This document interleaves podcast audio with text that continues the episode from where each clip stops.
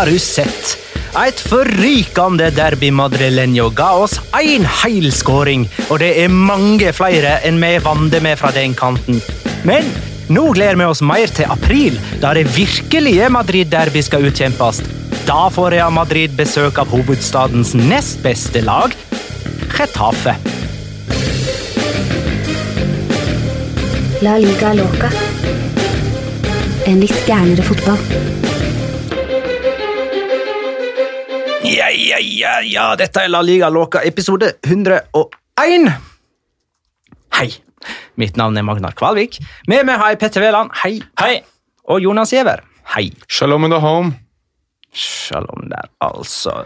Ja, Litt skuffa over at eh, det var den hilsenen i dag. Hvilken hilsen hadde du håpet på? Den du hilste eh, på meg med i stad, før vi gikk på, når jeg kom inn i lokalet. Halla, sjef. Nei. Uh, hjelp meg. Uh, Superbowl. Sånn, ja. Nå er sendingen 1 minutt og 20 sekunder gammel. Jan Djurhus skriver på Twitter gratulerer med Grand Prix-finale via Sport, Veland. Jo, takk. Den har jeg takka for. Mm. Um, han syns tydeligvis at han som gikk videre til superduper eh, gullfinale i Grand Prix, ligner på deg. Ja. Mm. Jeg syns egentlig ikke det er særlig sjøl. Eh, men jeg har jo på en måte en oppgave å prøve hver mandag å linke deg på et eller annet vis til Grand Prix. Ja da, du klarer det fint. Skal du Eh, se El Clásico i år, eller? Ja, det er jo 1. mars. Så det er ikke Grand Prix-sesong akkurat da. Nei, jeg sendte mail til Teba og spurte om han kunne unngå det i år. Så det... Petter har, Petter har for øvrig eh, også nå en grunn nå til å komme med shout-out til folk som hører på podcasten vår som han har møtt på byen. Ja. For Det har faktisk skjedd nå. Petter Wæland var eh, og ravet i Oslos hovedstad natt til eh, lørdag, og da var det et par stykker som kom og takket han for en fin podcast. Så nå kan du gjøre det jeg pleier, Petter.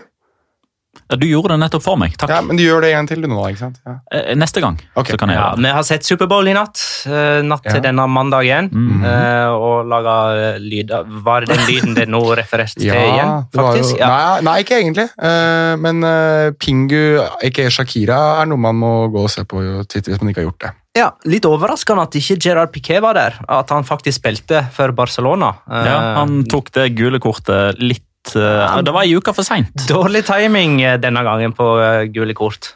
Han er jo flink på det sånn ellers. Ja.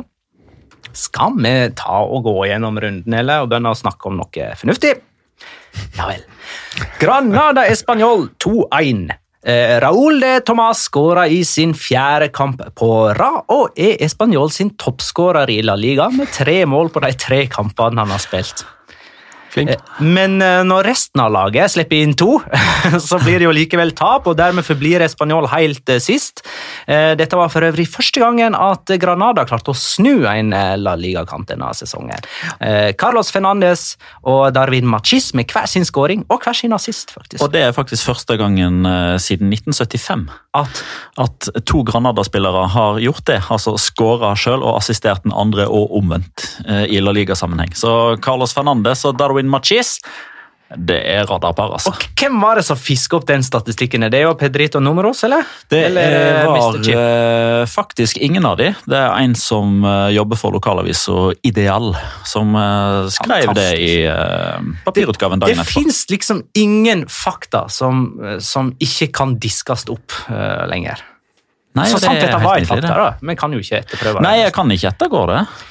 Nei, men så moro. Eller, jo, hvis vi, hadde, hvis vi hadde brydd oss så mye, så kunne vi ha fått tak i opptak av den kampen fra 1975. Ja, og alle kamper etter det igjen. eh, For å være helt sikker på at det ikke hadde skjedd siden. Selv Petter Wæland gidder ikke å se så mye Granada, tror jeg. Real Madrid, Atletico Madrid. Det, dette var altså kamp nummer to denne serierunden.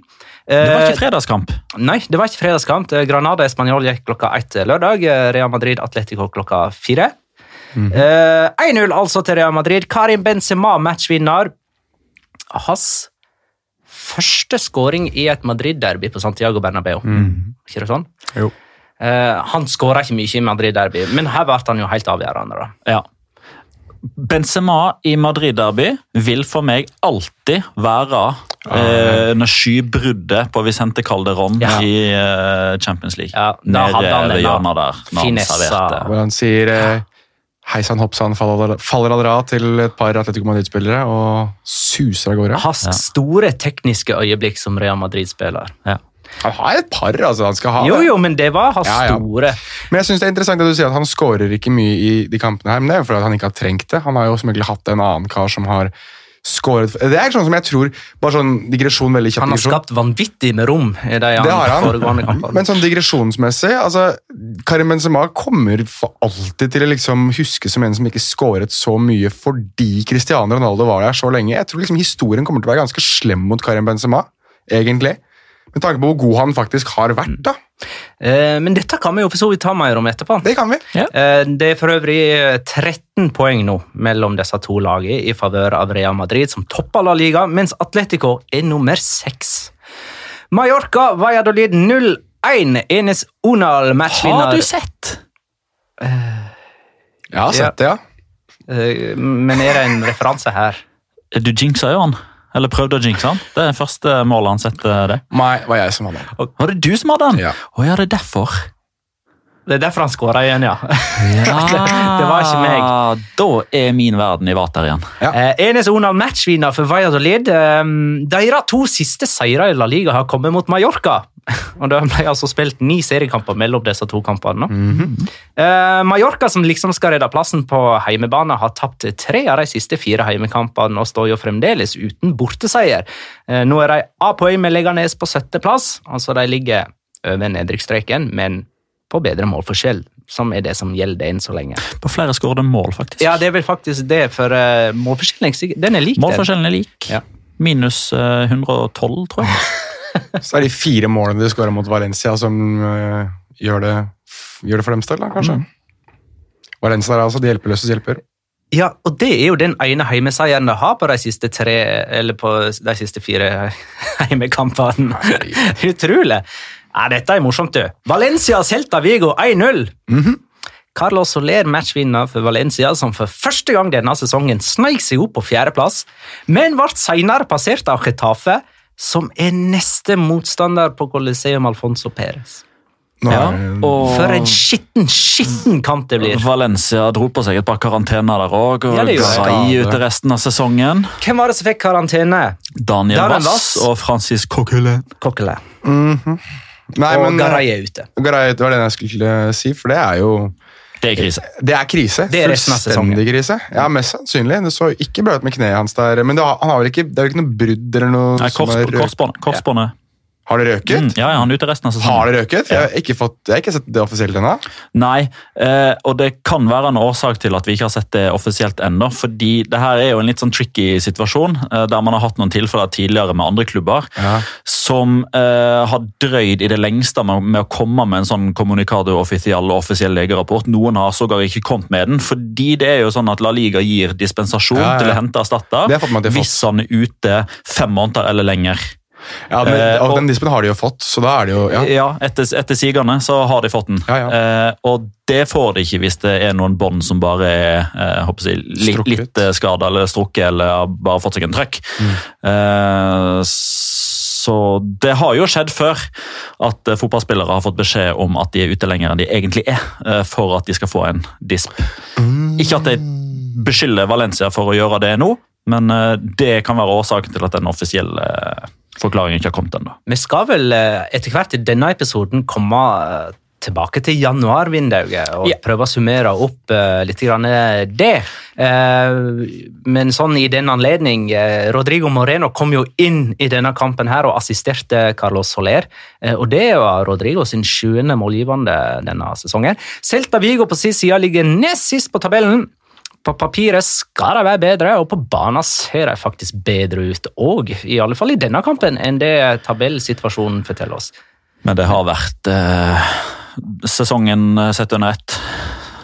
Sånn har det vært hele tida. De, de skårer minst av alle. Ja, og med det arsenalet av offensive profiler. Og det, det virker ikke som det har noe identitet heller. Det, det prøver ut så mye forskjellig. Det er som en fattigmanns Atletico Madrid. Uh, ja vel. Det kan man si. Ja, nei, eh, uten plan angrepsmessig. eh, Ja. Leganes Re Leganes Real Sociedad 2-1. Dette var morgenkampen på søndag. Ehm, Real Sociedad skal møte Real Madrid i Copa del Rey kvartfinale på torsdag, og deretter Atletic Klubb på søndag, og stilte her uten Oyarzabal, Ødegaard, Merino, William José og Jorente etc. Eh, noen av dem kom jo inn, men likevel, dette kosta. Isak eh, skåra dog i sin fjerde kamp eh, på rad. Flink. Mens, ja, ja. Eh, Men så utligna altså Omero for Leganes rett etter pause, og så hadde Oscar Rodriguez ei frisparkperle Ja, det ut av en annen verden på overtid. Altså, du har tilleggstid, og så har du overtid. Da har du passert tilleggstiden. Da er du på overtid. Jeg elsker eh, presiseringen. Mm. Dette er femte gang, hør på det! Det er femte gang denne sesongen at Real Sociedad taper en seriekamp der de leder. Har vi snakka om det før, eller? Det har vi nevnt. Det har vi. Vi har det. Joninho. Ja, Frisparkteknikken til Oscar Rodriguez, som er på lån fra Real Madrid, Mm. og hadde et bedre innhopp må vi jo si, enn han andre som er på lån fra Real Madrid, som spilte på det andre laget. Ja. Hvem da? Nei Eh, men jo, eh, og en av årsakene til at eh, det kommer vi sikkert til å snakke jevnlig om utover våren. Hva skjer med Martin Ødegaard neste sesong? Skal han tilbake, skal han ikke tilbake? Skal han være i Real Sociedad neste sesong, etc.? Og da trekker jo jeg blant annet ofte fram eh, en mann som folk faktisk glemmer i den store sammenhengen, nemlig Oscar Rodriguez, som jo òg er en del av det store bildet. Ja. Ingen som maser om han skal tilbake til Real Madrid eh, til sommeren, men han har vel bare denne ene sesongen utlånt til Leganes. Ja, han var jo på lån forrige sesong òg, Ja, så dette så her er dette jo er hans andre. andre. Mm. Så Sånn sett så ligger jo han et hakk foran Ødegaard i køen tidsmessig, i og med at dette er hans andre sesong, og så skal det kanskje da være Ødegaards andre sesong neste Poeng, det, sesong. Skal sies da at eh, altså Raúl Tomàs fikk ikke muligheten i Real Madrid etter å ha hatt den fantastiske sesongen han hadde med Rayo Vallecano. Så jeg vil jo tro at dette her er heller en spiller som viser seg fram for så å bli solgt fra Real Madrid. At de har Leganes som deres utstillingsvindu i to sesonger, og det er jo et ganske godt utstillingsvindu. da, og tydeligvis, Han viser jo med jevne mellomrom at det bor noe veldig spennende der òg, så jeg tipper at han spiller for en Når Leganes rykker ned, jeg sier når, ikke hvis, når Leganes rykker ned det året her, så spiller nok han i en større klubb neste sesong i La Liga. Eibar Real Betis 1-1. Nabil Fekir sendte Betis i ledelsen i det 20. minutt. Eh, ikke bare en pen avslutning fra Nabil Fekir, men et herlig cornertrekk. Og sånt liker jeg, da. Eh, men eh, bare åtte minutter senere så utligna jo Orellana på straffe. Betis har aldri vunnet på Iporoa. Nei, gjør ikke det. Verken i Segunda eller i Primera. Det, det, dette var bare det sjette møtet, men likevel. Atletic Klubb Getafe 0-2. Um, Damen Suárez, altså. Getafe er det nest beste laget i Madrid. Så det er tabellen. De er faktisk eh, det tredje beste laget i Spania. Ja, vi må snakke litt, kan vi snakke litt om det, eller skal vi ta det senere? Damian Suárez okay, ja. sendte Getafe i ledelsen med en herlig skåring, der han først kombinerte med Mata, så med Daverson, og så dribla Jerai, og så skåra. Så Atletic-stopper Jerai ble dermed den første spilleren i historien som ble dribla av Damian Suárez. Jeg lever med den. Mm. ja. Men jeg synes, det er litt, nå må vi nesten snakke litt om Getafe igjen. altså. jeg har tenkt at vi skal komme inn igjen på dem seinere. Ja, når jeg har sagt to ganger, så håper jeg tredje gangen er uh, The Charm. Mata skåra på straffe i andre omgang. 24, kampen her. så- 24 av 24 straffer har han satt nå. Ja. Hva var rekorden til Stuane igjen? Han hadde vel 26, tror jeg, før han bomma noe tidligere denne sesongen, så han skåra på de tre etter der igjen. Så det er på, Men, ja. Nei, du er på penalty watch, du da. Du passer på at den statistikken du sammenligner de to. Mm. Ja, bra. Og her- mata. her kommer en av grunnene til at Getafe er nummer tre, og Real Sociedad er nummer hva, sju? Åtte. åtte. Getafe har ikke tapt en kamp der de har leda, leda siden september 2017. Oi, det er statistikk. Det, sånn kommer man seg oppover på tabellen. det er et annet lag som pleide å være gode på akkurat det der. Og det er Atletico Madrid. Hadde vel også en sånn lang statistikk på når de først tok ledelsen, så tapte de veldig, veldig sjelden. tror det var hele 2010-tallet. Ja, Det var faktisk ikke langt unna. Nei, jeg tror ikke du bommer helt. ass. Men bare sånn, for å være ekstremt kort og svart-hvitt, da. Eh, en av årsakene til at Retafe klarer å mure igjen, mens Real Sociedad ikke klarer det. Eh, høyre- og venstrekantene til eh, Retafe er jo høyre back Allan Nyom og venstre back Mark Kokoreya. Mens for Real Sociedad sin del så er det Porto og Miquel Oyarzabal. Mhm. Forklaring. Misforstå meg rett. Sevilla Alaves 1-1. Eh, Sevilla er så svake på heimebane at den topp fire-plasseringen den kan ikke holde. De er nummer fire for øyeblikket. Men Eh. fortsatt 11 poeng foran Betis. Ja, eh, men Betis kommer nærmere. Kanskje ikke akkurat denne runden her, men neste år ved den. Betis havner over Sevilla på tabellen i denne sesongen. her. Og Sevilla blir ikke et topp fire-lag.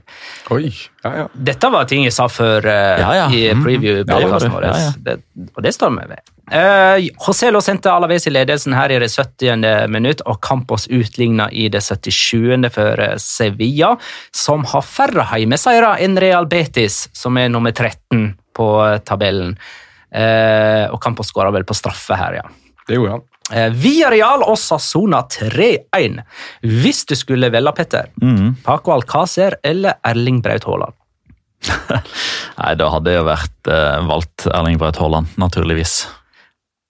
Alcácer både skåra og skaffa straffe i Villarreal-debuten. Debuten? Han skåra åtte mål på sine første fem kamper for Dortmund, så her er det jo mye å glede seg til. De neste, fem kamper, neste fire, da, Ja. så blir det masse mål. Og så bare Og så stopper det. Sju mål, da. Så Eh, fire. Ja. Nei, Jeg trodde du skulle ta den sedvanlige litt sånn negative inngangen. Jeg, med at uh, Det å skåre bare ett mål på de 70 minuttene var jo en gigantisk nedtur sammenlignet med Dortmund. Så mm. mm. Nei da, eh, er en senga positiv eh, overraskelse. De har tatt 15 poeng mer enn på tilsvarende tidspunkt i fjor. Det vil si 15 poeng mer enn jeg så for meg at de skulle ha på dette tidspunktet i år. Størst framsteg av alle. Det er utrolig grått å se på Sasona uten Jimmy Avila. Det er det, altså. Jeg synes det er, eh, det er eh, Greit nok, Aridane er jo konge i luftrommet, det får være én ting, men gud og Men han er ikke konge i eget bakrom, altså. Nei, det er han Det ikke. han ikke. Men det er uansett helt grusomt å se på Sasona. Jeg synes de er kjedelige. Jeg synes de er grå. Og jeg sa jo før sesongen at det som kommer til å være eh, Kall det jokeren, eller altså S i ermet til Arrasate, er det at han er utrolig god som, som taktisk trener på det å bare få de, de, de, det ene poenget i sånne vanskelige bortekamper som det her. Uten Jimmy Avla er jeg ikke sikker på om det kommer til å gå. altså. Neste motstander for Osasona, Det husker jeg ikke. Real Madrid. Hjemme. Ja, ja, men det er noe hjemmebane. Barcelona Levante 2-1. Ansu Fati var ikke død. Dere trodde kanskje at han hadde pika og var på hell, men nei da! Det er fremdeles krutt i støvlene til 17-åringen. To skudd mellom føttene på Eitor Fernandes i løpet av ett minutt. Det er frekt nok. Ganske surt at det ikke ble hat trick, for det hadde vært Ansu Fatrik. Ja, og da skulle han gjerne skåre det med hodet, det siste, før han skåra med høyre og venstre i dette oppgjøret her. Ja. Og var tidenes yngste som skåra to mål i en Liga-kamp. Barca eh, forblir dermed tre poeng bak Real Madrid. Levante er eneste lag uten poeng i 2020. Eh, Dette var for øvrig en eh, runde der nesten ingen av disse topp fire-kandidatene vant. Det var bare Chetaffe som gjorde det. Sevilla spilte uavgjort. Valencia! Valencia vant. De vant, men ikke Atletico Madrid, ikke Real Sociedad. Så har jo på en måte Villarreal kommet seg litt oppi der, da, siden de eh, vant. Mm. Nei, for Jeg så en tweet her fra Jan André Moraz Hagen. Det er ingen som vil ha fjerdeplassen i år, eller? Føler det var slik forrige sesong òg. Ja, Vi snakka jo om det for en uke siden. Ja, og så svarer jo da Chris Robin Eriksen. Her kommer en tråd. Ok. Så vi trenger ikke å svare på dette her, med, de, de har gjort det sjøl. Okay. Chris Robin Eriksen svarer Getafe vil nok ha den til siste serierunde. Eh, og så avgjør Sevilla og Valencia på Ramón Sánchez Pijuan i siste runde hvem som tar plassen til slutt.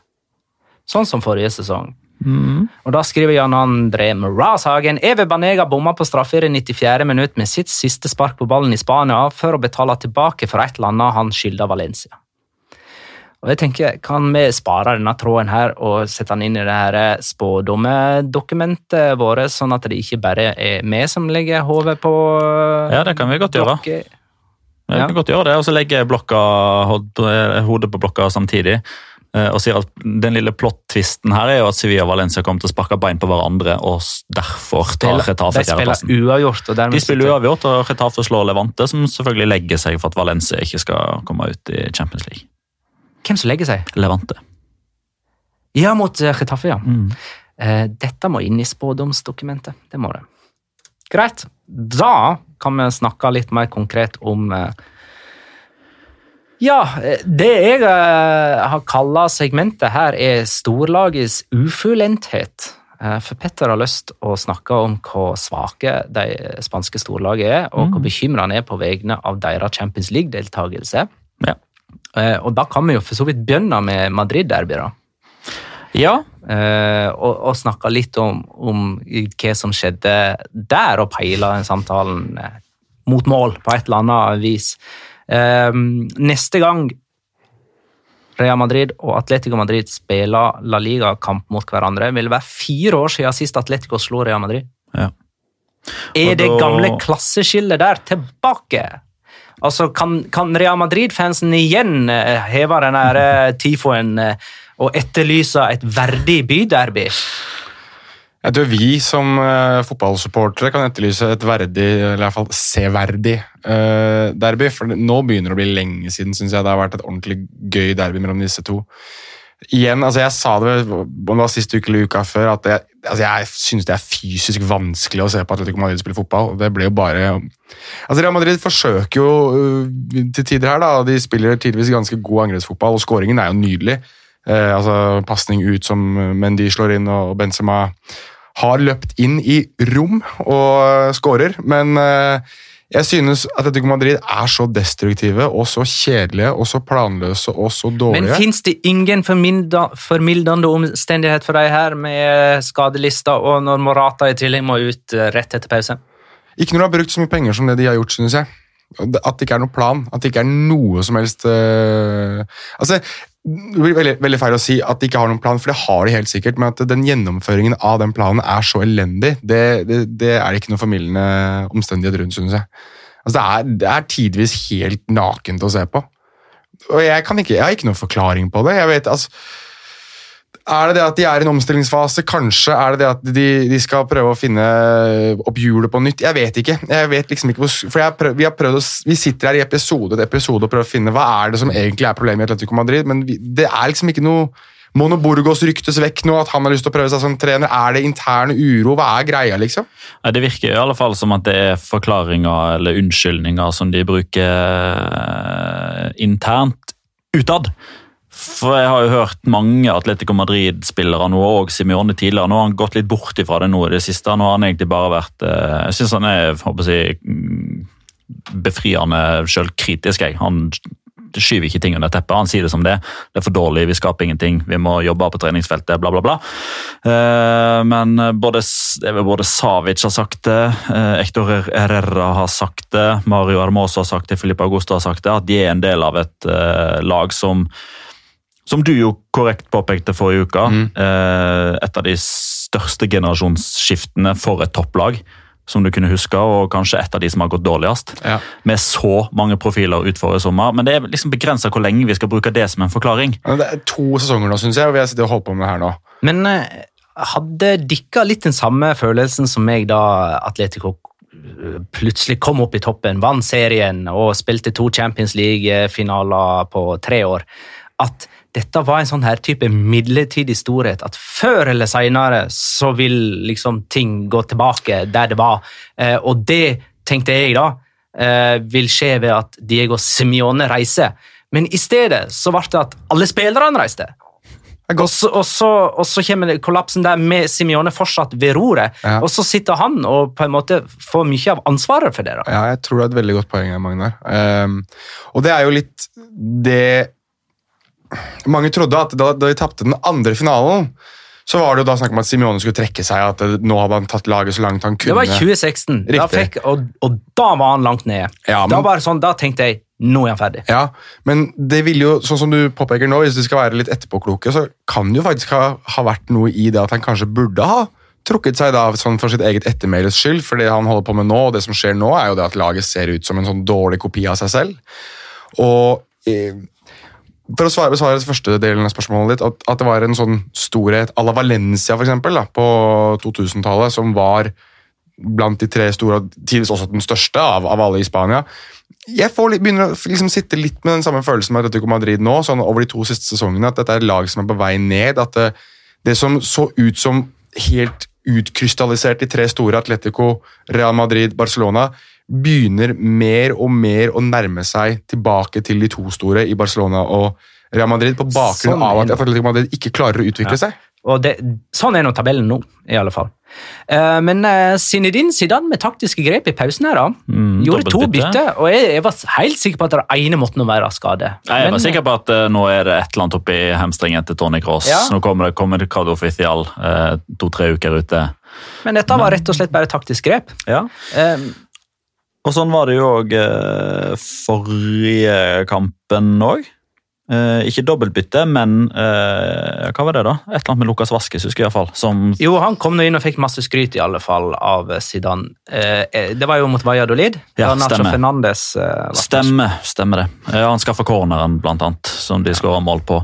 Eh, og det er Utfordringa, syns jeg. Den bitte lille utfordringa med å ha en podkast ukentlig der vi snakker ofte litt om de samme lagene og unngå å bli repeterende. Eh, Men jeg, jeg kommer jo litt tilbake igjen til det der at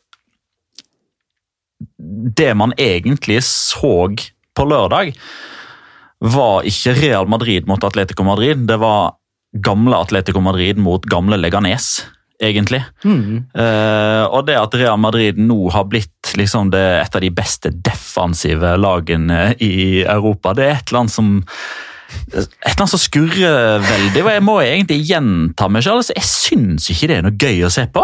Nei. Jeg syns ikke det er noe gøy å se på. Vi høres nesten litt bortskjemte ut over Ja, all denne den eh, Ja, fotballvirtuositeten vi har blitt uh, Vi sitter her og er dritbortskjemte. Ta uh, tweeten her fra Tom Erik Eilertsen. Eh, når jeg tenker på hvor hen Real Madrid var for ett års tid siden, er det nesten så jeg får ei tåre i øyekroken. Det Zidane har fått, det er bare så sinnssykt sterkt. Aldri før har jeg tenkt på kollektivet Real Madrid, men nå tar jeg av meg hatten, Ja. skriver han. Det, er, det som er litt sykt, er at Real Madrid, som Petter også har sagt og påpekt litt her, Real Madrid er blitt det nye Atletico Madrid. Altså det, er, det, er jo, det er jo ikke noen sånn én stor stjerne egentlig i det Real Madrid-laget. Altså det er mange som presterer veldig veldig bra, men det er ikke sånn én som trekker lasset alene. Og det var det jo ikke det året Atletico Madrid vant ligaen heller. Det var jo det at man snakket om et sterkt og godt kollektiv. Ja, altså, Courtois er Courtois. Eh, Ramos er Godin. Eh, Valverde begynner å bli litt sånn Gabi. Eh, Benzema er eh, Diego Costa.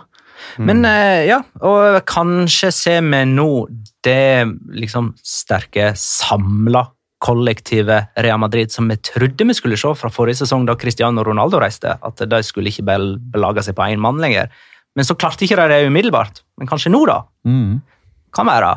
Eh, Real Madrid har unngått tap mot alle de største rivalene sine, altså de tradisjonelt sterke rivalene som Barcelona, eh, Valencia og Atletic, som de har møtt én gang, og Atletico Madrid og Sevilla, som de har møtt to ganger. Så sju kamper mot disse har de unngått eh, tap mot, og på de sju kampene så har det blitt 5-2 i målforskjell. Sju skåringer på sju kamper. Det det altså. høres ut som Atletico Madrid. Så eh, Håkon Myklebu spør er tilfeldig at storkampene har blitt så målfattige. Har laget funnet, funnet ut av hverandre, eller er blitt dårligere offensivt?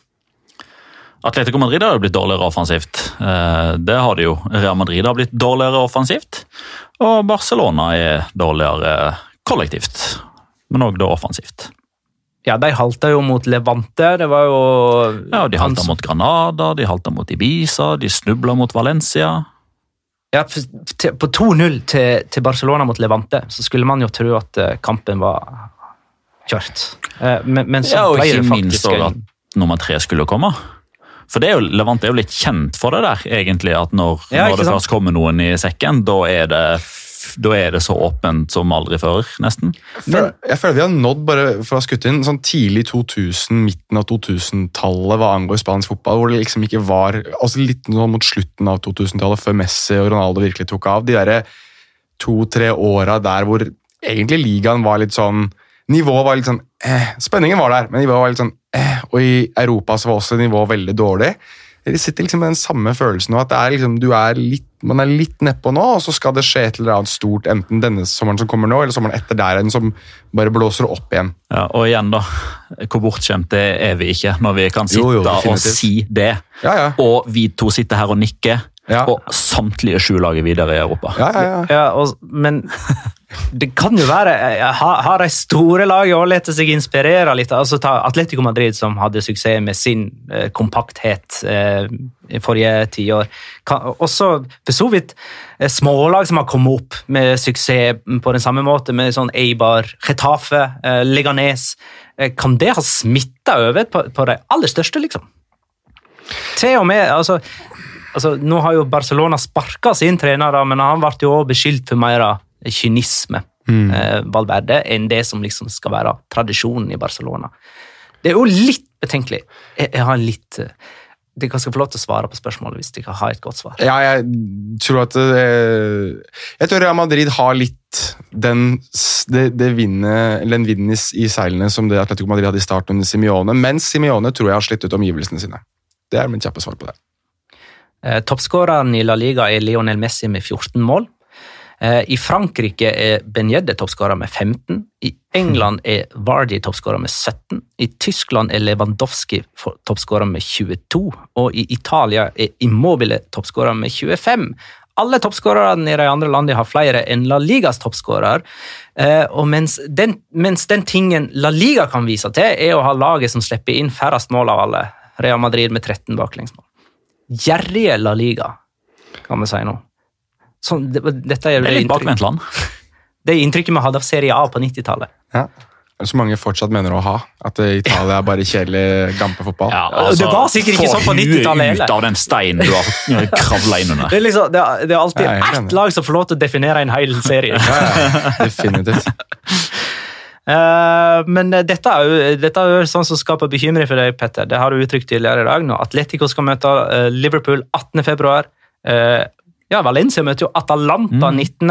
Ja. Det Atalanta er jo det mest skårende. Ja, ja, og Valencia med Garay ute. Ja. Gabriel Paulista har karantene i begge de to kampene. Der. Så sånn som det ser ut nå, da, så skal Valencia forsvare seg mot Serias mestskårende lag med Mokhtar Diakabi og Eliakim Mangala. Jeg ser at Jonas begynner å få utslett allerede nå. Eh, og så har du jo Real Madrid mot Manchester City, Mm. der City eh, er en middelhavsfarer på andreplass i Premier League. Ja. Og kan eh, legge Ja, ja. alle kort i eh, Champions League-potten.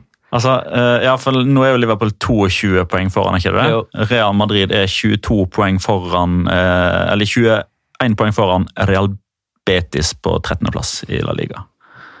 Ja, så, så Sånn til sammenligning. Så de må Betis Betis de må, City de burde vel en, egentlig vært Var det det du skulle fram til?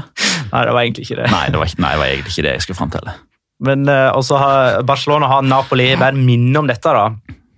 Mm. Uh, Og Retafe Ajax i Europa League. Herregud! Det gleder jeg meg til. Kommer kom til å smelle så utrolig i veggen men, men hvis du skal si nå, da, i disse Champions League-kampene Hvor mange av Atletico, Valencia, Barcelona og Real Madrid ser vi i kvartfinale? Dere skal få lov til å si et tall. Etter. To. To, Da regner jeg med du har Barcelona og Real Madrid. Jeg vet ikke, men det blir to. Ok. Jonas? Få si tre, jeg, da. Tre. Da sier jeg Da blir det jeg positivt Da sier jeg eh, ett. overraska. Ja, jeg må, jeg må være litt forskjellig fra deg òg, da. Fikk du lov til å si først, så sa du to, så da får jeg si tre, og så sier Ja. Magnar én. Så har vi ikke helgardert oss, nei, for det kan bli null og fire. Mm. Ja, det, går, det, det blir vanskelig å helgardere seg når vi, har, når vi er tre. Vi Ja, har det bare er tre fem alternativer. Ja. Mm. Jo, men uh, vi må snakke litt om den veka som uh, vi akkurat har begynt med. Uh, for, det at, for det første så er det Copa del Rey i kvartfinaler. Eh, og vi trenger ikke å spå, eh, men vi kan snakke litt om Copa del Rey. Og for det andre så syns jeg den runden som kommer, er ganske snacksy. Snacks Det mm -hmm. Eh, men Copa del Rey, da. Nytt format. Ja. utslagsrunder uten returoppgjør. Eh, fram til semifinale. Da er det hjemme-borte-oppgjør, og så er det enkeltstående finale på nøytral grunn. Ja. Eh, og det man sitter med eh, nå, er liksom Hvorfor gjorde ikke de det slik før? Nei, dette er jo eh, verket til den nye fotballpresidenten, da. Eh, det blir jo kalt cupen til Robiales, eh, når det jo egentlig er cupen til kongen. Eh, dette var jo noe av det han gikk på valg på, med det at han mente at fotballen måtte tilbake igjen til jeg håper å grisgrendte strøk, som jo ikke er så grisgrendte i Spania som det er i Norge. Eh, men at de små lagene ikke bare skulle få besøk av et storlag som så på det mer som en byrde å dra dit fordi storlagene kunne reparere eventuelle feil i returen. Altså All håp om eh, cup-askeladd var jo egentlig borte. eh, bare ved å ha et dobbeltoppgjør. Fordi én ting er at man kan eh, overraske i en enkeltkamp. Eh, en annen ting å gjøre over det to oppgjør, spesielt hvis det da som regel da er storlagene som har mest å kaller det. Eh, De sparer spillere gjerne da i den første kampen. Ja. og så blir det sånn at ikke bare blir eh, lag fra Segunda B og Tercera i hermetegn liksom snytt for en reell mulighet til å slå ut et storlag over to oppgjør, men det er gjerne også sånn at når, eh, når da eh, Real Madrid eller Barcelona foregående sesonger, da, når de har spilt på bortebane mot dette Segunda B eller Tercera-laget, så har de veldig ofte stilt veldig redusert på bortebane. Og Som regel så har det holdt det til å ha et fint resultat, som gjør at man òg stiller redusert i returoppgjøret. Og så kan man som eh, Real Jaén og eh, Salamanca-spiller da si at ja, jeg har spilt på Santiago Bernabeu, jeg har spilt på Camp Nou. Har du spilt mot Messi? Nei, han var spart, og det var Chavi og Inies. Ja, vi spilte mot Jeffren og Boyan, husker jeg. Eh, Dongo eh, debuterte i den kampen. sant? Mens nå er det 90 minutter, alt skal avgjøres. Og da tar storlagene det mer på alvor, fordi de får ikke noe sjanse nummer to hvis de driter seg ut. Og det er full mobilisering og faktisk mulig for Askeladden å slå ut de store.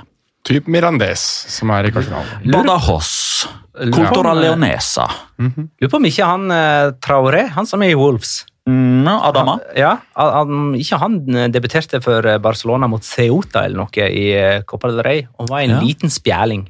Skulle ikke tro at han skulle bli hulken eh, for seg. siden. Alt er så naturlig, sier han selv. Sånn, han har ikke trent noe vekter. Men eh, jo, det er jo okay. kjempesjanser for eh, å ha Segunda-lag i eh, semifinale. Mirandez skal jo bare ta seg av Villarreal uh, hjemme på Ja. onsdag. Er jevngode, Det jevngode de to, er har ikke de det? jo, ja, men Neste år så er de i samme divisjon. nå. Ja. inn Ja, altså Mirandés ligger godt an til playoff, de, det er helt riktig. det. Mirandes Mirandés slo jo ut via Real forrige gang de møttes i Copa del Rey, med 2011-2012. Jo, og da var det to møter.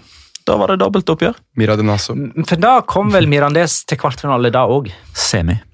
Kom de helt til semifinale, og da var de Segunda Da B. tapte de mot Atletic. Det var Ja. den sesongen Pablo Infante ble eh, bortpå verdenskjent fordi han ble toppskårer i Copa del Rey for et tredjedivisjonslag. Det var det året da at dette gikk hele veien til finalen i Ja. Copa del Rey og Europa League med Marcelo Bielsa. Og, så Og tok fjerdeplass. Ja, og så gikk de nedenom og hjem. Ja, de møtte veggen. Som de fleste Bielsa-lag. Eh, Granada-Valencia er tirsdag eh, kveld, og så har du da to skikkelige oppgjør mellom Real Madrid og Real Sociedad, og Atletic Club og Barcelona på torsdag. Og spesielt eh, Real Sociedad framfor alle sikter jo seg virkelig inn eh, på denne eh, Real Madrid-kampen, da. Med skikkelig rotasjon i helga. var det eneste cuplaget, egentlig, eller gjenværende cuplaget, som- der man virkelig så Ja. at de tok hensyn. Det er jo de, da. Ja. Trofésjanse, dette. Ja, det er jo det. Men likevel, man, man kan, eh, altså her kan Real Sociedad komme skikkelig dårlig ut av det, med Ja. tap da mot Leganes, eh, og så exit mot eh, Real Madrid. Uh, ja, og så har jeg jo atletikklubb i basketderby søndag. Det kan bli, det kan bli ei skikkelig, skikkelig bånd i bøtta-uka for Real Sociedad. Hvis de da taper på overtid mot Leganes, og så ryker de ut av Copa del Rey, og så avgir de poeng eller taper da mot uh, Atletic i Basca Derby. I tilleggstiden, Magnar, mot Real Madrid. Ikke i overtiden, men i tilleggstiden. Altså, de røk jo i overtiden mot Leganes, men så satser jeg på at de røker, ryker i tilleggstiden mot Real Madrid. Der ser du. Eller ekstraomganger, kanskje? Men eh, Kanskje. nå skal du få lov til å snakke litt om Retaffe, Jonas. Ja. For eh, de møter Valencia eh, i La Liga til helga. Ja, det er jo Det nye hatoppgjøret mellom to eh, lag i direkte duell om Champions League-plass. Ja, men så inne på Copa del Rey og La Liga for så vidt òg. Altså, det er jo Ugo Doro er jo mannen de alle elsker på Mestalla nå for uh, hans involvering i fjorårets Copa del Rey. Trenger ikke gå noe mer inn på det. Det kan du strengt tatt søke deg opp på både på YouTube og på Twitter for å få mer om. Men Getafe, altså Jeg har blitt spurt om det en del ganger de gangene jeg har snakket om La Liga. Hva er egentlig, hva er det som er greia med Getafe? Og det jeg egentlig tror er- vi nesten må berømme PP Bordalas litt for nå, er det at de, de har blitt så kritisert for den spillestilen sin nå i hvert fall halvannet år. Men de er så tro til det, og de holder såpass hardt ved det at de skal være hardere, de skal være bedre, de skal kjempe mer enn enn motstanderen, og de vinner på det gang etter gang etter gang. Og så er det Hvis de får et slag i trynet, så øh, fortsetter de å male på. Altså, det, er, det er vanvittig imponerende å se på. og Nå klarer de også å innlemme typer som Daverson, da, som er litt sånn Ja, han er jo ikke Du titter på Daverson, titter på det der Getafe-laget, så tenker du ikke at det skal gå så veldig bra sånn egentlig, men det også ser ut til å fungere. Og da begynner du å ha flere strenger å spille på også, så da er det kanskje det siste altså det var siste hinderet er overgått da, for Chetaffe Getafe med tanke på det å nå Champions League. For det var liksom det siste lille De hadde den der ene duppen mot slutten av fjorårssesongen som gjorde at det ble mer duell om den fjerdeplassen, og så vippa Valencia seg selv opp helt på tampen der. Nå tror Det er- jeg Det er en statement-seier eh, på samme mes. Å, definitivt. Og Det det var så fortjent òg. Ja, Ja, ja, ja, ja. Det var jo bedre! Altså, eh, hva var det det sto oppe til venstre, helt på tampen der? Jeg lurer på om det var 1-7 jeg, i store målsjanser. Jo. Det, det, er jo det nødvendigvis eh, altså Det er jo litt sånn um, en- subjektivt da, hva er en stor målsjanse, men det var en annen ting som sto der som også var ganske statement. ja, antall kilometer løpt. Nei, Jo, det, jo, det var det òg. ja, jeg tenkte mer på Pasningsprosent. Nei. Det var mye. Hva var det du mente det var? 0-2. Det er en statement. Jo, jo, men én ting er hvis eh, keeperen har verdens beste dag på jobben. og 0-2, Petter. Og så er det altså basketderby på Men- Å ja, du var ikke Nei, jeg var ikke ferdig. Uh, jo, ja, men En av årsakene til at du kaller det det nye hatoppgjøret uh, Altså de siste sju Ja, kampene. ja, ja. Ja, Gi meg kortstatistikken, da. Eller gjett. I De snitt siste sju kampene. kamp. 58 gule og 5 røde på sju kamper mellom disse to lagene. Det er tett oppunder ti i snitt. Ble det ikke tre røde på Mestalla i eh, Copa del Rey forrige sesong? Da var det mye sånn her Diakobi ble jo utvist. Da var det mye sånn. Jeanette Dakonam ble utvist. Alle måtte gå. Så, så var det jo mange som òg liksom ble, Ja, det var det ble utvist etter kampen òg. Ja, nemlig. Men så har du basketderby på søndag. Eh, Og det er jo tre dager etter som sagt, at eh, Real Sociedad møter Real Madrid og Atletic møter Barca. Og her spiller jo begge lag med kniven på strupen. Ja, Sånn i europacupjakt, og spesielt Champions League, da. Begge lagene skal også ut i Copa del Rey Ja, det var det jeg midtuka. Ja, mm, fikk, sorry. Så det er en kamp å glede seg til. Og så er det også sånn Real Madrid, som vi snakka om, nevnt i stad. Og Også Real Betis Barcelona. Gjett gjett hvem som eh, skal ha barnebursdag hjemme hos seg på søndag, da. Jo, men barnebursdagen må nå være ferdig til hun er ni, vel?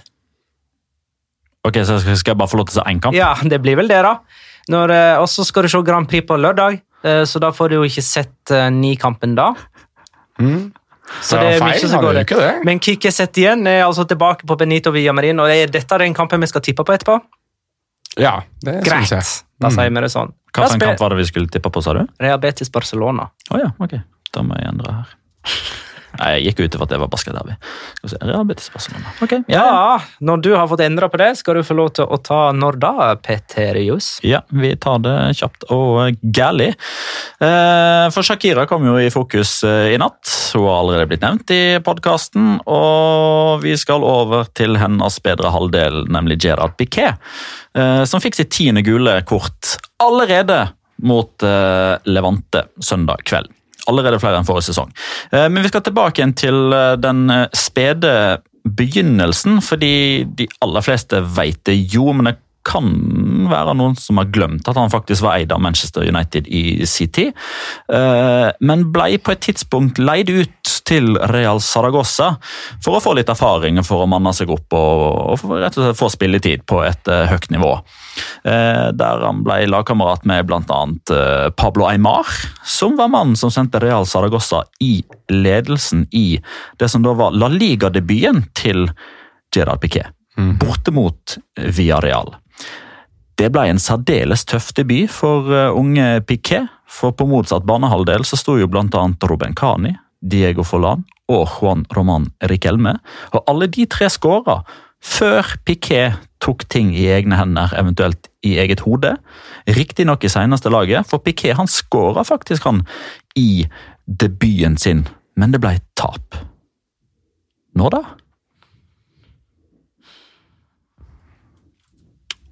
Godt spørsmål. altså, Juan Roman Riquelme, for å ta den først, da. Han bommer jo på straffespark mot Arsenal, for å ta den. Det er 2005. 2006. 2006. Jeg tror dette her er starten av 2006-2007-sesongen, fordi Piquet er i Manchester United i 2007-2008. Uh, han spiller ikke så veldig mye, og så blir han solgt til Barcelona 2008-2009 og vinner Champions League med Guardiola. Så jeg tror dette her er starten av 2006-2007-sesongen. Så Rikelme jeg trodde han bare forsvant etter den straffebommen i Champions League-semien mot eh, Arsenal. Ja, Det er den som jeg at Enten så er det 2005-2006 eller 2006-2007. Men jeg mener å huske at Piquet hmm. Spilte han så mye etter den straffen? straffe... Han gikk jo fullstendig i kjelleren etter den straffebommen. Men det kan godt hende at han spilte 06-07-sesongen òg. Aymar var jo i Benfica etter å ha vært i Real Saragossa. Um, men når da? Ja. Jeg om jeg, jeg, jeg, jeg, jeg, jeg tror jeg har lyst til å si 2006. Altså. Nei, det var debuten. Da sier jeg 2005. Jeg. så du tror det er 05-06-sesongen. Ja, jeg tror det er den. Men var, var Forlan der da? Forlan spilte jo ikke Champions Nei, League det, det året. Ok, Som jeg sa i 2006, da, sånn at det er 06-07. Jeg synes det er mer, eh, sliter med Kilme og hva som egentlig ja, jeg, jeg, nei, jeg er helt enig med deg. Kania. Han var der så lenge. Så. Ja, han var lenger. Ja, det Ja. går fint. Nei, 06, da. 2006? Ja. Svar avgitt. Og svaret er Riktig. 2006. Yay! High five. God. Eh, vi vinner ingenting. Det var Nei. dumt. Eh, apropos eh, Helme Eh, han eh, forsvant etter den eh, semifinalen. Ikke sånn eh, håper jeg, bokstavelig talt, han var der fortsatt. Eh, men etter det skjebnesvangre eh, Straffesparket. straffesparket mot Arsenal, eh, Jens Lehmann, så spilte Juan Roman Riquelme bare 16 kamper for Villarreal. Han skåra to mål på de 16 kampene. Mot Der skårer han på straffe, veit du! Ah, ja, ja, riktig. Forbanna. Nei da. Det, nei, han Det eh, kan du ikke si om Nei, Juan ikke si Nei, det om er nesten så du burde få karantene her nå. Skal vi På gangen. Pepsi. prøve og, derfor. og trekke noen uh, overgangsmarkedstråder? Um, for det at Evig Blaugrana skriver til oss hvem var vinnere og tapere i januarvinduet. Oi. Hva for eksempel med at eh, Og her må vi nesten ta med det arbeidet med å beholde spillere, som Ja. for, for mange klubber er liksom den, den store problemstillingen. Eksempel Real Sociedad. Ja, De viste jo langfingeren til både Tottenham og Monaco, de. De gjorde jo det. Eh, og William José er jo fortsatt der. Så spørs det da uh, hvor mye hvor åpent det såret er mellom han og klubben og fansen. Uh, jeg regner jo med at han skal spille mot Real Madrid, da. Eh, siden han eh, ja, ja, Nei, det er søren ikke helt sikkert. Ja, nei, altså Etter det innhoppet han hadde mot Leganes Ja. uh, han, han virker jo veldig villig på å vise seg fram der, da, så han snapper jo opp sjanser til andre spillere. Ja, og, og eh, jeg håper å si, dunka 20-meterspasninger 40 meter opp på tribunen. Men eh, ja De klarte jo å beholde, de har jo ikke forsterka noe. De lot eh, Robin Pardo eh, gå. Eh, Og Modibo Sanjan. Ja. Men det er det ingen som Men- bryr seg om. Hva for Videre. eksempel med at Barcelona ikke fikk seg en spiss? Nei, Det syns jeg er eh, vanvittig rart. Den der Cedric Bakambu-historien er jo helt latterlig. Altså, hvor han blir Ta det. Ja, han blir altså Kort. Ja, skal prøve å gjøre så godt som mulig. Men i alle fall, det var jo flere eh, spillere fra Kina som bestemte seg for å dra til Europa igjen pga. koronavirus osv. Bakambu var en av de som så ut til å dra tilbake. Det var visstnok enighet mellom klubber og så videre i forbindelse med overgangen til Bakambu på lån til Barcelona. Han får beskjed om å sette seg på flyet, flyr vel til Barcelona. Nei, jeg tror han Nei, skulle mellomlande i Hongkong. Ja, men, riktig. Mellomlander i Hongkong. Får beskjed i Hongkong at Barcelona ikke var interessert i avtalen likevel. Får beskjed om å flytte tilbake igjen. Så han la jo ut på Twitter at eh, han ville at Transfermarkt skulle endre hans klubb til Almost Barcelona. Ja, De skulle gå inn i overgangshistorikken og skrive februar, eller januar 2020 fra denne kinesiske klubben Guang eller hva det er for noe, jeg husker ikke navnet, til Almost FC Barcelona. Mhm. Og det gjorde de. Det gjorde de faktisk. Jeg vet ikke om det står der enda, men det var jo morsomt uh, da de gjorde det. da. Eh, og så er jo Dembélé uh, Skal jeg fortelle en vits? Dembélé skada. Dembélé. Mm, Dembélé. Skada igjen nå. Ja. Ah, Han rakk ikke bli frisk fra den forrige før han ble skada på nytt. Er det litt sånn Gareth Bale-tendenser over Osman Dembélé? Nei, det er, Han er- Gareth, går han det er, er Osman. Dembélé-tendenser over Gareth Bale. Ah, ok. Ja, så du mener nå at Dembélé er verre enn Ja. Bale? Ja. Ja, Nå begynner det å bli ille. Altså, det er greit Dembale? Men uh, hva med at eh, Atletico Madrid ikke fikk Cavani, men heller henta Carasco tilbake fra Kina? Han har jo ikke spilt en offisiell kamp siden 1.12. og kom inn i Madrid-derby. Ja, men der er det sånn, ok, greit. Eh, De sitter på styrerommet eller WhatsApp-gruppa eller hva fanken de driver og kommuniserer med. Det virker jo faktisk ikke som de kommuniserer noe godt i det hele tatt. Men det er liksom, ok, greit, det blir ikke Kavani. Hva er det nærmeste vi har? Hva, hva, Carasco! I alfabetet. Ja, altså på telefonlista. Altså, Scroll opp fra Kavani. Hva finner du der? Da finner du Carasco. Greit, da ringer vi han. Han vil sikkert vekk fra Nå kommer jo faktisk Carasco før Cavani. da. Ja, oppover. Ah, ja, det Det scrolla feil vei. å- faktisk. Nei, du kan scrolle opp og du kan scrolle De ned. begynte på Å, som de jo har i Spania. Nei, de begynner på Z, og der var det bare Simone Sasa som sto, og det var fullstendig uaktuelt. Tja, det hadde nesten vært litt bedre enn det de landa på, syns jeg. da, men... Jeg syns Carasco faktisk så litt frisk ut. Det er et, første gangen i 2020 at en Atletico Madrid-spiller har dribla noen. Det var Carasco i Madrid-derby. Men uh, hva med at uh, Sevilla henta Soso? Trengte de en av den typen? Nei, det var mer Monge som sa at 'nå må jeg kjøpe noen'! Og så ble det Sosa. Han har sånne der kjøpsabstinenser, han godeste Monche, innimellom. Virker det som. Nei, altså Jeg liker jo spillertypen Soso, men jeg tror at Soso fort er en sånn type som kommer til å være ekstremt frustrerende å følge i Sevilla. Fordi han er ikke jevnt god. Altså Det er én kamp hvor han er, ser ut som han er den neste David Silva, og så er det tre kamper der han ser ut som Dario Silva nå. Eh, og sånn er det litt grann med ham, dessverre. Og det er jo det som stopper ham fra å bli så god som man kanskje hadde trodd han kunne bli. Jeg synes det er litt rart at når man først skal bruke eh, jeg, tid og energi på å hente en ving eh, til eh, Sevilla, så velger man å gå for, å gå for en som er klart best som og mest komfortabel i rollen som høyreving, der de har Ocampos, og ikke på venstre, der det er Nolito. Der skurrer det litt for min del. Så jeg er klar over at Soso kan starte ut etter venstre òg, men der er han ikke best. Så de har henta Soso og Enesiri denne i januar. Og sånn til sammen med toppnivå, så er jo det kjempeinvesteringer. Men når får man egentlig Ja, det er sjansespill, det. det, er det. Så, således passer det jo egentlig Sevilla. fordi Soso og Josef Enesyri er ikke en det er ikke en sånn der eh, typisk sånn signatur Monchi Sevilla-signering der de henter billig og så selger de dyrt om noen år. Det er det jo ikke. Altså, Enesyri koster flesk, og det kommer Soso til å gjøre òg hvis de henter han permanent. Så dette er, liksom sånn, det er egentlig litt sånn voksesmerter, føler jeg, på vegne av Sevilla, at de nå henter sånne. Ja, men det har de jo, det har de jo prøvd tidligere òg, og da har det som regel ikke gått så bra, vel. Jeg mener husker vi har diskutert det her før, at Sevilla plutselig skulle handle på en høyere hylle, og da gikk det ikke veldig bra. Eh, Christian Magnus Røyne skriver hva er den beste overgangen til Spania i januarvinduet, og hvorfor er det til Sevilla? Vel eh, okay. Vi har vel kanskje svara sånn noenlunde på det. Hva syns vi om at Ben Arfa er i La Liga nå, da? Hva, eh, I Valladolid. Eh, er han, var han ferdig i rennet, eller hvordan? eh, Ja, han, har ikke, han, har spilt. ikke, han har vært klubbløs han siden forrige sesong. Han, Han fikk det, ikke ja. forlenga kontrakten med renn, eller han vil ikke forlenge. Jeg kjenner ikke nok til historien der, men han har altså ikke spilt en offisiell kamp siden mai. Nei. Den, eh, Han er jo bare, altså, han er i gåsehauget bare 32. Jeg mener, det er jo liksom være så tilsynelatende ferdig i en sånn alder, det virker litt prematurt. Ja, altså, du kan jo oppsummere den overgangen der med presentasjonen hans, da han står og trikser eh, og holder på og får beskjed av eh, fotografene. Kan du ikke bare ta den litt på, litt på hodet og sånn, da?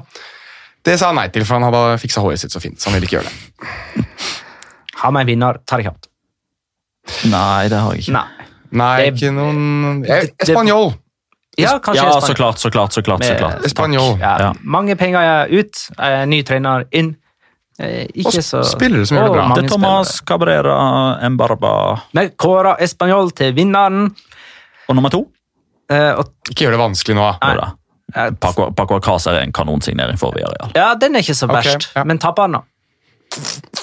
Barcelona som ikke har en spiss. Atletico Madrid. Ja, der har du topplaget, topplaget. Eller de som skal være der. Ja. Kjempekult. Uh, da er det på tide med eh, Smålov! Sånn, nå ble jeg nevnt. Nå har Han. Smålov blitt uh, Smålov til Celta Vigo. Til Celta Sånn. Vigo. Ja. Runden spiller, Jonas, vær så god. Vil du ha musikk? Ja! I utkanten av Madrid finner vi en av fotballens mest utskjelte bander. De er skitne, de er stygge, og de vil ingen noe vel. De vil rane deg for den uskyldige glede, hvilket er å nyte 22 mann som jager en ball. De vil nemlig ikke jage noen ball. De vil ødelegge, knuse og kjempe seg vei oppover næringskjeden av spansk fotball. Fremst for denne banden er ikke mannen med briller og skjegg som står på sidelinjen. Nei da, han er gallionsfiguren deres. Han er deres frontfigur. Vi vet alle hvem som er sjef for dette mylderet av grumsete grusomheter. Det er mannen med ansikt kun en mor kan elske. Han er ingen ballartist, han er ingen virtuos. Han er satt på denne kloden for å skape et uendelig kaos.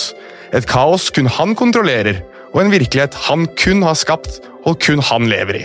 Mens resten av oss, ja, vi må pent finne oss i at det er nummer 22 som bestemmer. For i årene som har gått, så har La Ligas slemmeste bandolero fått selv de kjappeste og mest tekniske ballartister til å se døden i hvitøyet. Til neste år vil de faktisk markere tiår i kaos, elendighet og total ødeleggelse fra mannen som bærer blå drakt på et stadion oppkalt etter en spiller som aldri har spilt for klubben. Enten det er å slåss med spillere på banen eller utenfor, så kan du regne med mannen hvis taklinger er som pistolskudd og replikker smeller i trommehinnene som en krigstromme. Og er du riktig så heldig, så velger han like gjerne å prøve å komme seg inn på spillebussen til motstanderlaget, helt alene, for å sette i gang enda flere slåsskamper. Men noen ganger, kanskje bare en gang iblant, så minner La Ligas svar på The Joker om at det eksisterer genialitet i all faenskapen. Og kanskje skulle en misforstått brasilianer til for å minne oss på dette. For når de to kombinerer på samme mesmatta, så var det nummer 22 som skåret det som kanskje vil bli husket som ett av La Ligas flotteste mål denne sesongen. Og som La Ligas største skurk gir oss en pekepinn på at fotballen ikke alltid skal være nydelig. Den skal være kald, den skal være hard og brutal. Men med et snev av briljans og et overflod av deilig kaos. Og den skal inneholde masse, masse kaos fra en herremann som kun går under ett navn og ett navn alene. Det er Damian Suárez. Ja, den derre jinxe-effekten den, den har ikke vært på Jonas noen gang. Jo, den har det. Ja. Men jeg mener at når du heter Damian til fornavn, så er det jo er det ikke, Du som er filmentusiast, Magne, er det ikke The Omen? Der uh, Damien er liksom son of Satan osv.? Det kan være Den serien har jeg ikke sett. Det er ikke en serie, det er en film. Jo, men er ikke det en filmserie? Er ikke det Omen 1 og 2 og 3 og 15? 177 tror jeg det kommer til. Ja, Nei, jeg kjenner ikke til det. Det Men til eh, 66. du har sikkert rett. Ja, nei, Jeg bare eh, reflekterte over det. da Jeg satt, eh, prøvde å lage noe på Louis Suárez møter Damians, nei, Louis Suárez møter Damien, men eh, det gikk ikke helt. Da er det tid for Locura! Ukens La Liga Locura. Locura. Locura. Locura. La Liga Locura. Vær så god. Ja. Eh, jeg eh, synes det var litt påfallende å titte på lagene eh, da Valencia møtte Celta Vigo. Eh, bare for å ta litt statistikk eller geografi først. da. Hvis du sjekker hvor langt det er mellom Valencia og Vigo, så er det rundt like langt som det er mellom Oslo og Mo i Rana. Men hvis du ser på de to lagoppstillingene og de som spillerne som var i troppen så hvis du tar Daniel Wass og Maxi Gomez, som spiller i Valencia, har begge spilt i Celta. Rodrigo, som ble byttet inn, spilte i Celta i ungdomstiden sin. Trener Albert Salades har også spilt i Celta. Og så står det på Celta Vigo sitt lag. Der har du Jason Morillo og Santi Mina, som begge har spilt i Valencia. Rafinha var sterkt koblet med Valencia før det ble Celta Vigo til syvende og sist. Og trener Oscar Garcia han har også spilt i Valencia. Så dette her er eh, en av de merkeligere oppgjørene hva, hva du tenker geografi og um, spillere som har tilknytning til det andre laget de møter. Og trenerne Oscar Garcia og Celades har spilt sammen i Barcelona. Det har de også. Til og med på La Mas i La Masia. Mm. Petter, Uh, ja. um, vi har jo som regel blikket festa til det som skjer på det øverste nivået, men noen ganger så skjer det sjuke ting Jeg vet hvor du skal. og på nivå to. Eh, For der òg har de videodømming, eh, og der skjedde det noe meget, meget spesielt denne eh, helga her. For det som skjer da i oppgjøret mellom Fuenlabrada og Girona vi kan jo ta det steg for steg. For etter 67-04 så skjer det en situasjon på midtbanen der Cristobal Marquez på hjemmelaget går veldig tøft til via realprodukt. på, ja, det er helt riktig. På eh, Alex Graney. Fikk du en liten negativ realvinkling der òg. dommer står med orkesterposisjon. Han står meget bra plassert. Trekker fram det røde kortet umiddelbart, og Cristobal Marquez må gå eh, i dusjen etter litt sånn protester. og litt sånn, han Brukte kanskje et minutt på å gå av banen. Eh, frisparket skal tas, alle står klare, eh, men etter 69-33 så gjør dommer VAR-tegnet. Eh, og går da ut til VAR-skjermen for å se på dette her. Vi får jo opp på skjermen da at eh, en revisjon tarjeta roja. Ok, greit, det er muligens, mulig at det blir trukket tilbake igjen, da. Eh, fordi reprisen viser jo at eh, denne situasjonen er ikke så stygg som den først ser ut til, fordi han kommer jo først inn med strak bein, men han er aldri borti Nei. Alex Graney eh, med den eh, strake foten. Han treffer derimot med den andre foten etter at han har passert. Så etter 70.05, altså et halvt minutt, så er avgjørelsen tatt. Eh, Det som er problemet da, er at Cristobal Marquez er jo ingen sted å se. For er han er jo han i garderoben. Han har eh, klart å komme seg i garderoben i løpet av tre minutter. Eh, så det som skjer er at noen må jo inn og hente han. Og det i seg selv er ikke så unikt, for det skjedde i Bundesliga for et par sesonger tilbake. At man måtte inn i dusjen eh, for å hente ut en spiller som ikke ble utvist likevel. Eh, så etter 70-45 så kommer jo da Cristobal Markus løpende ut igjen. Eh, dommer gjør det han gjør med hendene sine og peker på det røde kortet, og nei, nei, nei, og så opp med det gule i stedet. -hmm. men det som da skjer, er at Kristoffer Cristobal Marquez løper rett bort til Alex Graney, som jo var i hermedene offer for denne taklinga, eh, og sier antageligvis et eller annet til han da, typ «Haha, du fikk meg ikke utvist allikevel». Eh, Graney tenner på alle plugger, og de to står litt sånn da, eh, sånn som to bukker gjør når de skal. De står liksom med panna med panna. Eh, Det liker jo ikke dommer. Gult kort til Graney. Gult kort til Cristobal Marquez, som da må gå tilbake igjen i garderoben, for da blir han faktisk utvist. Nei, karma, det der, ass. Jeg, Gratulerer. jeg lover deg, han har sikkert teksta en eller annen kompis at han skal møte ham utenfor stadion, eller noe sånt, og så å faen, og så må han bare, jeg må, jeg må bare få meg selv utvist kjappest mulig, for nå har jeg lovet at jeg skal bli med og spise burger etter kampen. Eh, det er jo i sekunder galskapen skjer om dagen, så eh, vi holder oss der. Jeg vet hvor eh, du skal nå, tror jeg. Ja, det tror jeg også. Eh, vi må nesten følge opp eh, Deportivo la Ja. Coruña-føljetongen eh, vår. Eh, de hadde altså 19 seriekamper på rad uten seier, eh, og låg lå helt på bunnen, ni poeng bak eh, trygg grunn, men så har de altså plutselig klart å vinne seks strake. Kanskje fordi at de henta Sabin Merino fra Leganes gratis. Han som aldri egentlig skåra mål, men som har gjort det i alle sine fire kamper for Deportivo, og er toppskårer for dem etter to uker i eh, klubben. Eh, Han hadde jeg tror det var seks mål på 62 kamper i La Liga for Atletic og Leganes. Han hadde vel noe sånt som 46 kamper på rad Uten skåring. uten scoring. Mm. Eh, Og nå har han skåra fire på rad for Deportivo la Coruña. Så ikke bare har de henta inn igjen de ni poengene som var opp til trygg grunn, de har passert eh, trygg grunn for lenge siden, eh, og har faktisk bare seks poeng opp til playoff. Det er så sykt. Altså, det, sånn, ja, men det, det som er så kult, er altså, de som liksom bare sitter sånn i, i slutten av desember og bare, vet du hva, Deportivo, ikke, i aldri i verden om de spiller i Segunda neste divisjon. Eller Neste neste, sesong. Det kan jo faktisk hende at de får rett, men at det går opp istedenfor ned. og de spilte jo playoff eh, til La Liga i sommer. Og Tapte røk jo der mot eh, Mallorca, som rykka opp.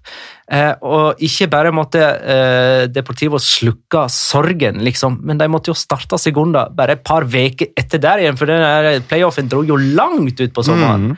Det, må, det må ha vært tunge tider, men nå har de lagt det bak seg. Tenk at de har klart å kjøpe Claudio Bovoa.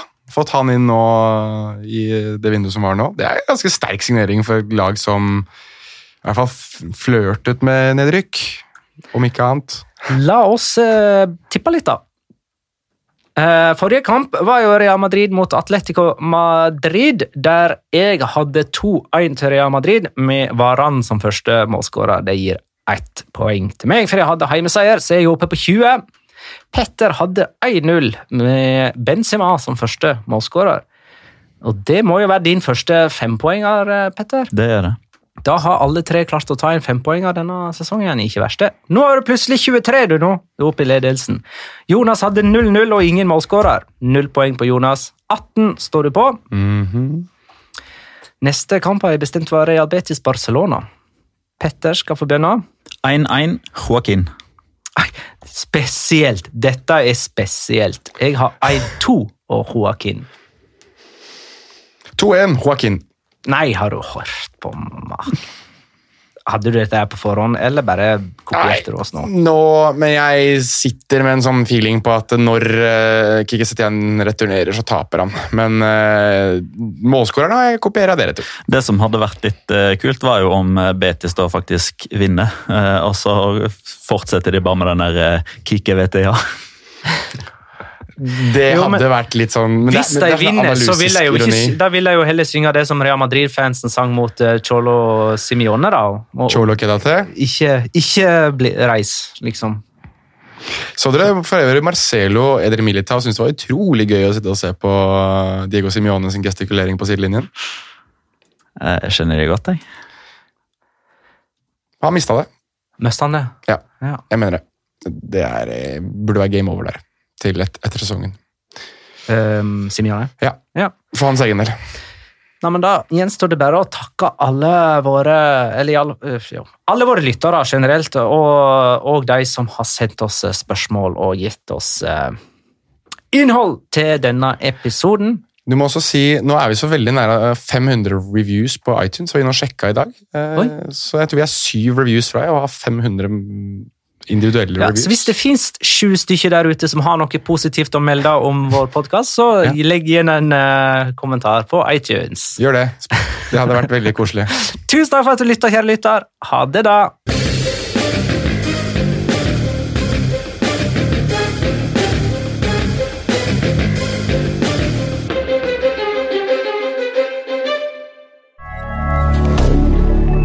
Media.